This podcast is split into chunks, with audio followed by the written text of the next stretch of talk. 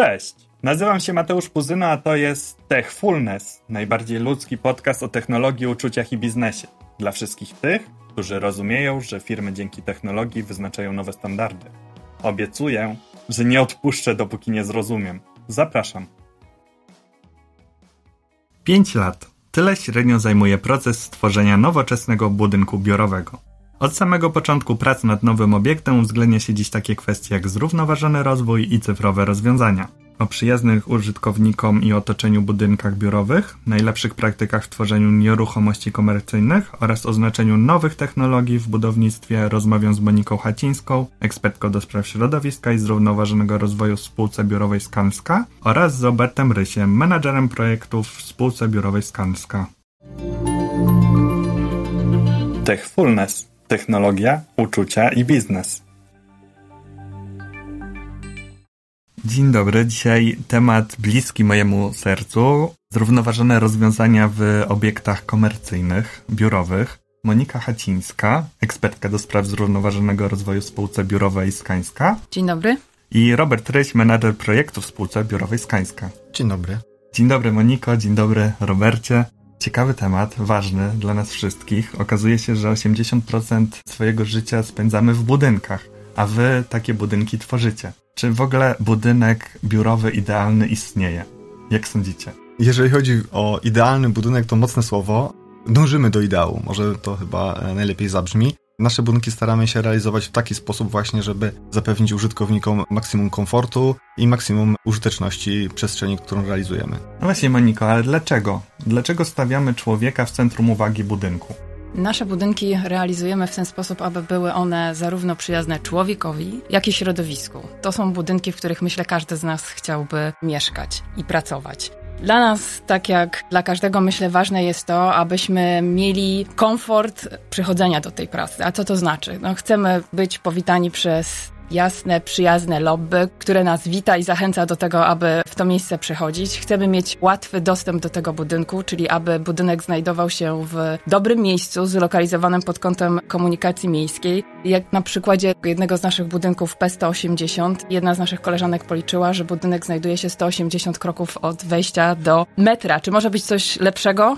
Chyba nie. No myślę, że w takim mieście jak Warszawa ten aspekt jest bardzo ważny. Zdecydowanie. Jak jeszcze w tym budynku jest infrastruktura, która sprzyja rowerzystom. W budynku P180 mamy fenomenalną szatnię dla rowerzystów, tudzież rowerownię. I nie wiem, czy ktoś z Państwa miał przyjemność być w tym budynku. Cieszę się, że o tym mówisz, bo ja regularnie przyjeżdżam do pracy rowerem i ten właśnie prysznic, taka mała rzecz, która mi pozwala przyjechać, wziąć prysznic, ubrać się do pracy, jest czymś niesamowitym. A jak jeszcze możesz wejść do szatni rowerowej praktycznie bez użycia rąk, tylko trzymając swój rower, to byłbyś zachwycony. To znaczy jak?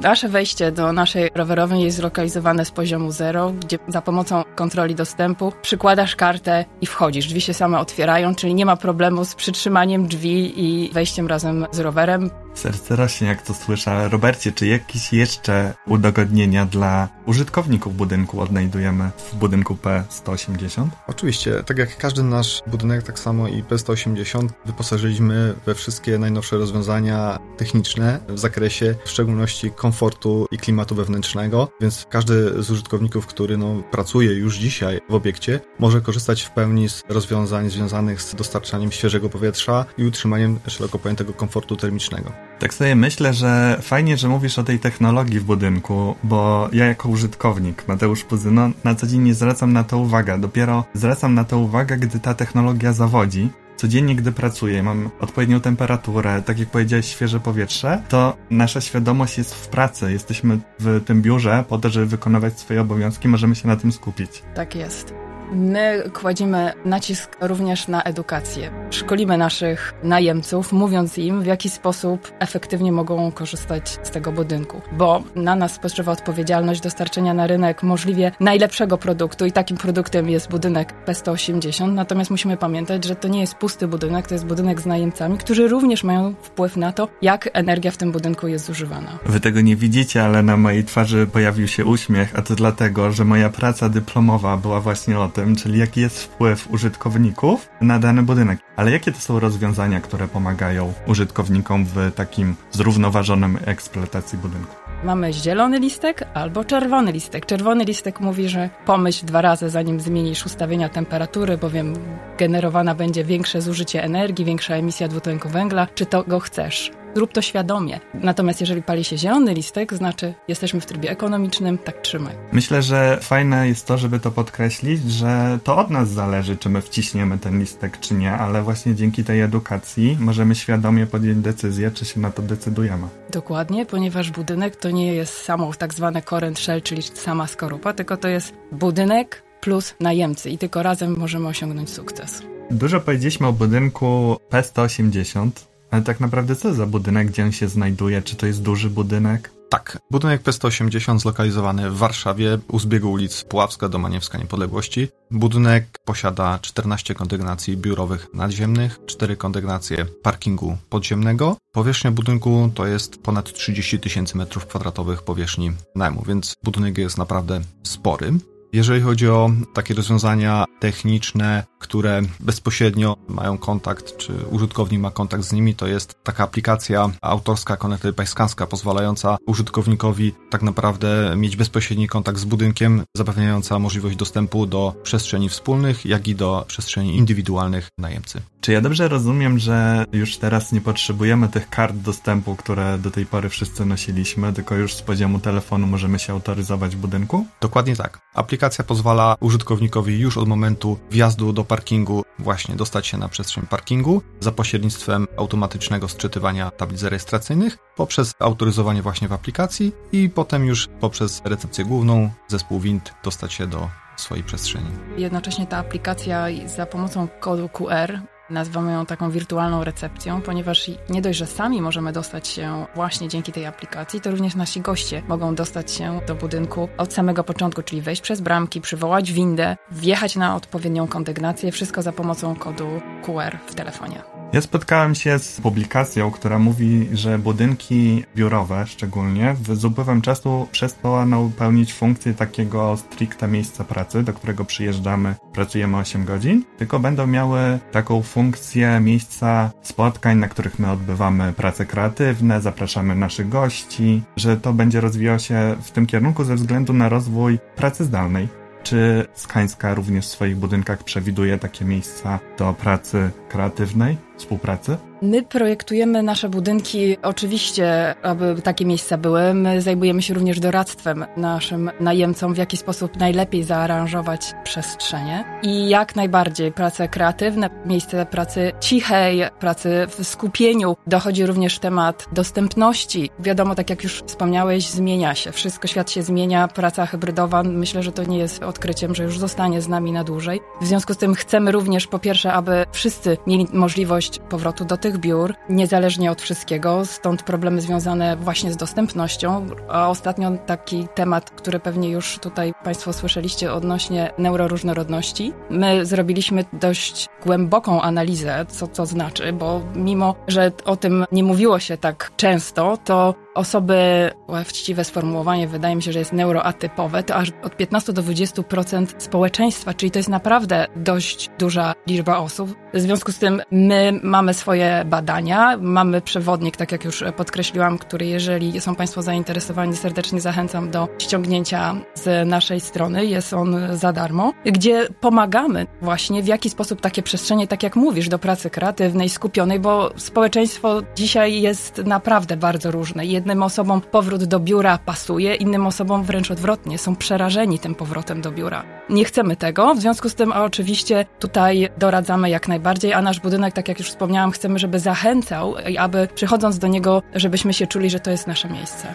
Ja dodam jeszcze do tego, co powiedziała Monika a propos dostępności budynku. Projektując nasze obiekty, staramy się w taki sposób wychodzić naprzeciw oczekiwaniom nie tylko użytkowników, ale lokalnej społeczności, czyli ludzi, którzy znajdują się wokół budynku, w taki sposób, żeby na przykład, bazując na naszym projekcie P180, zapewnić swobodny dostęp do przestrzeni ogólnodostępnych, już począwszy od holu głównego i tej przestrzeni takiej, w której możemy sobie użytkownicy i lokalna społeczność może swobodnie, w nieograniczony sposób korzystać z takich przestrzeni do szybkich spotkań, do przeprowadzenia jakiejś rozmowy. Do tego wyszliśmy z tym konceptem poza obiekt, realizując to tak ładnie nazywamy park przy udziale lokalnych władz. Właśnie, żeby budynek nie tylko wewnątrz, ale i zewnątrz odpowiadał oczekiwaniom użytkowników i lokalnej społeczności.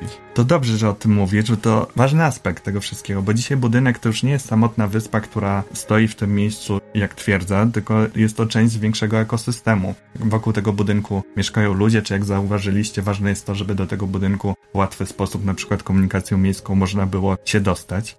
Przejdźmy może teraz do takiego aspektu tego, jak te budynki powstają, jaki jest cykl życia budynku. Przystępując do realizacji każdego projektu, staramy się w taki sposób go zaprojektować, wymyślić, aby odpowiadał na potrzeby lokalizacji, bo każdy obiekt to lokalizacja, w pierwszej kolejności to lokalizacja. Więc pierwszym naszym krokiem po pozyskaniu danej działki jest rozpoznanie potrzeb właśnie tej lokalnej społeczności. Jak to się robi? Bardzo prosto. Pytamy po prostu mieszkańców danej okolicy, jakie są ich potrzeby, czego oczekują od tego miejsca, co chcieliby zmienić, i na tyle, na ile to możliwe, staramy się odpowiedzieć na te potrzeby. Ale dlaczego to robicie? Dlaczego to jest ważne, żeby ten budynek właśnie odpowiadał na potrzeby tych mieszkańców? Aby było życie w tym budynku. My chcemy, żeby te budynki żyły. Staramy się usługi w tym budynku również zgodne z życzeniem naszych najemców wprowadzać. I chcemy, żeby był tkanką, żeby był używany, żeby, tak jak wspomniałeś, żeby nie był taką wyspą samotną, tylko żeby żył. I jak inaczej moglibyśmy to zrobić, jak nie zapytać się okolicznych mieszkańców, czego by sobie życzyli. I tak ten park, o którym wspomniał Robert, jest właśnie zgodny z oczekiwaniami okolicznych najemców. Powiedzieliśmy o procesie projektowania, o tym, że włączamy lokalną społeczność do tego, żeby uwzględnić ich potrzeby, które, jak myślę, są ważne.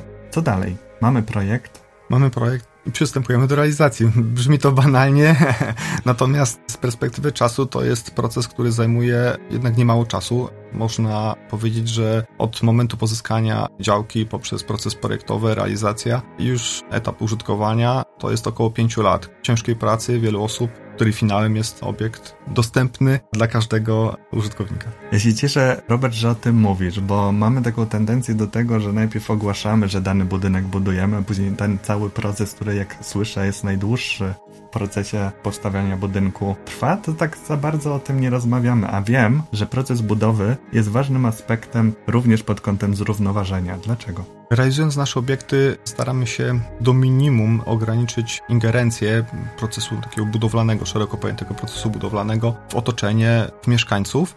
No nie oszukujmy się, taki proces budowy w naszym otoczeniu jest czymś uciążliwym. To są prace, które emitują hałas, pyły. Samochody budowlane zwiększają ruch wokół tego budynku, rozjeżdżają nam drogi. No, znamy to z autopsji. No my staramy się przeciwdziałać takim elementom, o których wspomniałeś i ograniczamy do minimum tego typu działania. Robercie, czy poza tymi aspektami, o których powiedzieliśmy, na coś jeszcze zwracacie uwagę? Jeżeli chodzi o proces realizacji obiektu, oczywiście weryfikujemy i analizujemy pochodzenie materiałów, które są używane do realizacji każdego naszego budynku z uważam ciekawych rzeczy i takich innowacyjnych, jeżeli chodzi o kwestie szeroko pojętej ochrony środowiska, jest implementacja na skalę europejską niskoemisyjnego betonu, który w projekcie właśnie P180 został zaimplementowany w całej konstrukcji budynku. Pozwala nam na zredukowanie dwutlenku węgla nawet o 40%.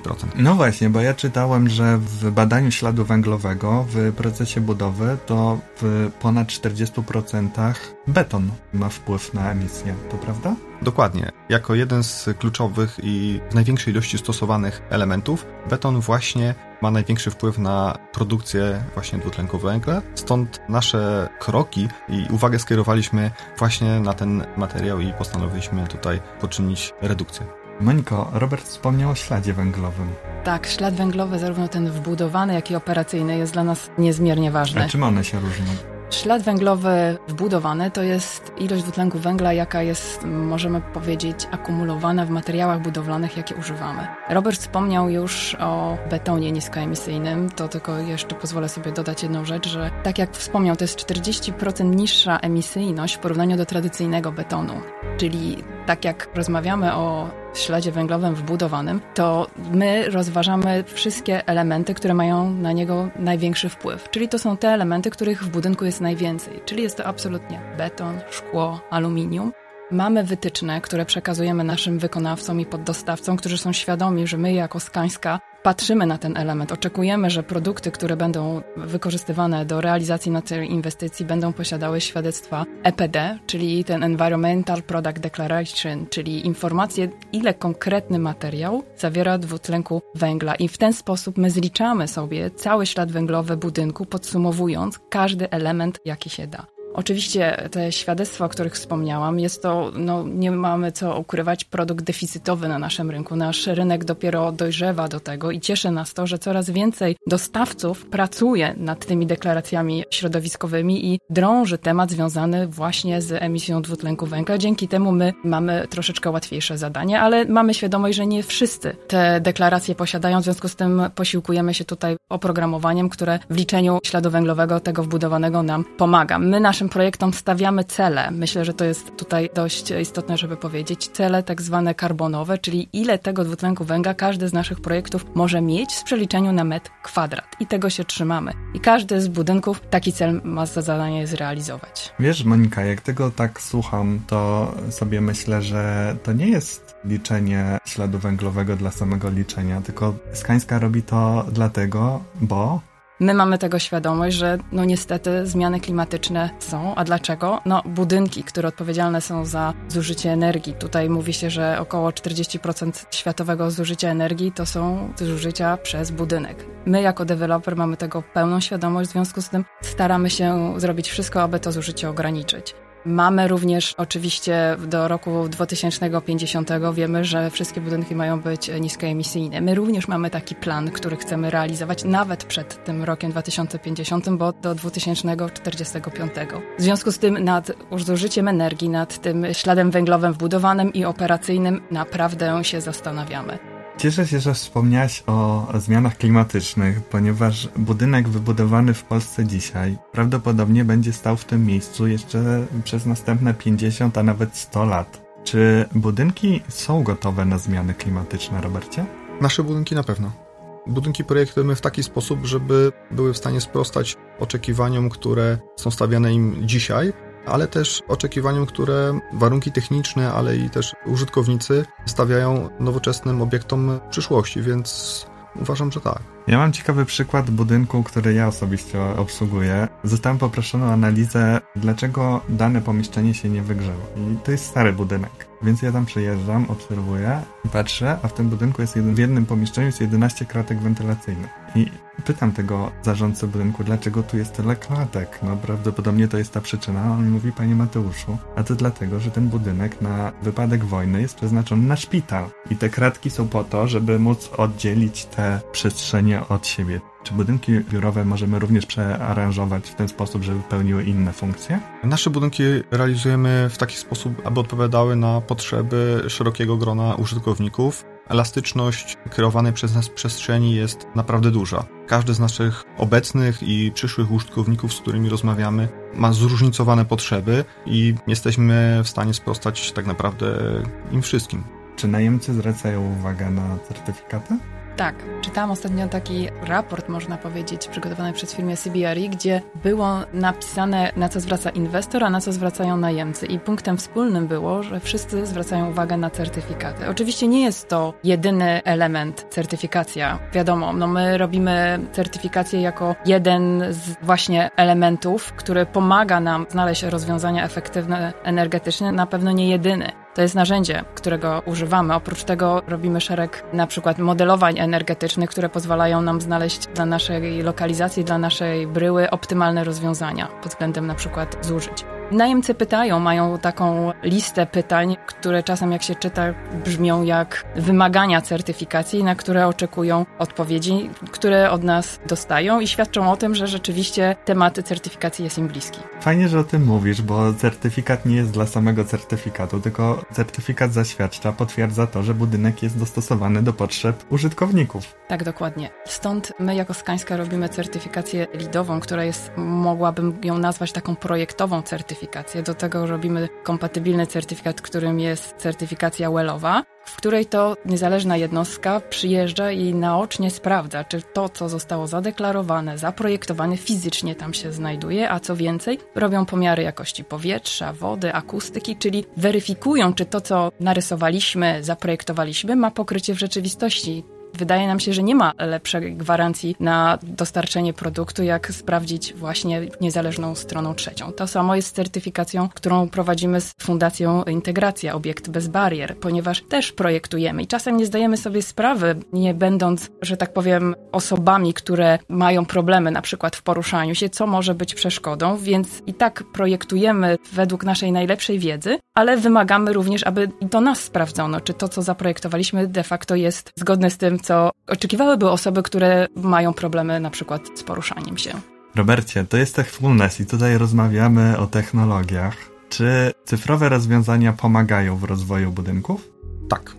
Krótko, ale bardzo stanowczo tak. Nowoczesne rozwiązania stosujemy już od etapu projektowania, używając narzędzi. Tak projektowania w przestrzeni 3D, popularnie nazywane BIM. To jest program, który pozwala nam w prosty sposób narysować wszystkie instalacje i technologie, które znajdują się w budynkach, po to, żeby na przykład uniknąć kolizji. Do tej pory branże pracowały oddzielnie, to znaczy, że hydraulika projektowała swój projekt, elektryka robiła swój projekt, no i na koniec dnia, ty pewnie jako projekt manager wiesz to doskonale, te branże się spotykały, okazało się, że rury od hydrauliki to tam, gdzie linie elektryczne i tak dalej, i tak dalej. I dokładnie tego chcemy uniknąć, właśnie tych kolizji. Więc projektowanie w przestrzeni w 3D to jest jedno z podstawowych narzędzi, które dzisiaj jest standardem w projektowaniu, w procesie projektowym budynków. Kolejnym etapem to jest już realizacja i tutaj naprawdę wiele rozwiązań innowacyjnych, które stosujemy w naszych budynkach o betonie niskoemisyjnym już wcześniej wspomniałem.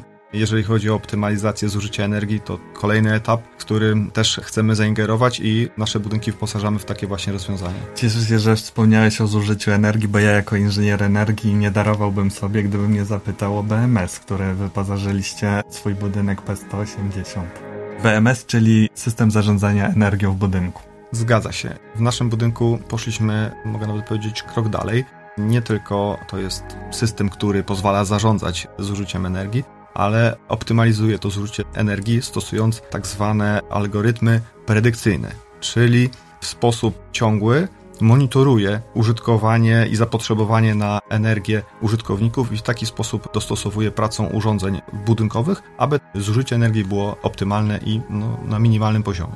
Dobrze, że o tym wspomniałeś, Robert, bo jak jest w naszych domach? W naszych domach jest tak, że orientujemy się, że trochę przesadziliśmy ze zużyciem energii, jak przychodzi rachunek. Wtedy no, mleko się rozlało, trzeba za niego zapłacić. A system, o którym wspomniałeś, to system, który nie dopuszcza do rozlania mleka, Dokładnie tak jest. Ja mogę dać taki prosty przykład, o którym powiedziałeś z takiej przestrzeni domowej. Wielokrotnie, kiedy mamy na przykład okres zimowy, włączamy kaloryfer, no chcemy szybko się dogrzać, więc włączamy kaloryfery na przysłowiowego maksa. Dowiadujemy się o tym, że no jest ciepło bardzo szybko, ale również energia, która jest potrzebna do tego, żeby w tak szybkim tempie dostarczyć to ciepło, jest niewspółmiernie duża do oczekiwań, które de facto mamy. I właśnie system, o którym wspomniałem wcześniej, no nie dopuszcza do tego właśnie, żeby nadmiernie i niewspółmiernie do celu, który jest do osiągnięcia, czyli do przysłowiowego dogrzania tej przestrzeni, została zużyta. I to jest uważam bardzo świetne narzędzie i przyszłość budynków właśnie inteligentnych.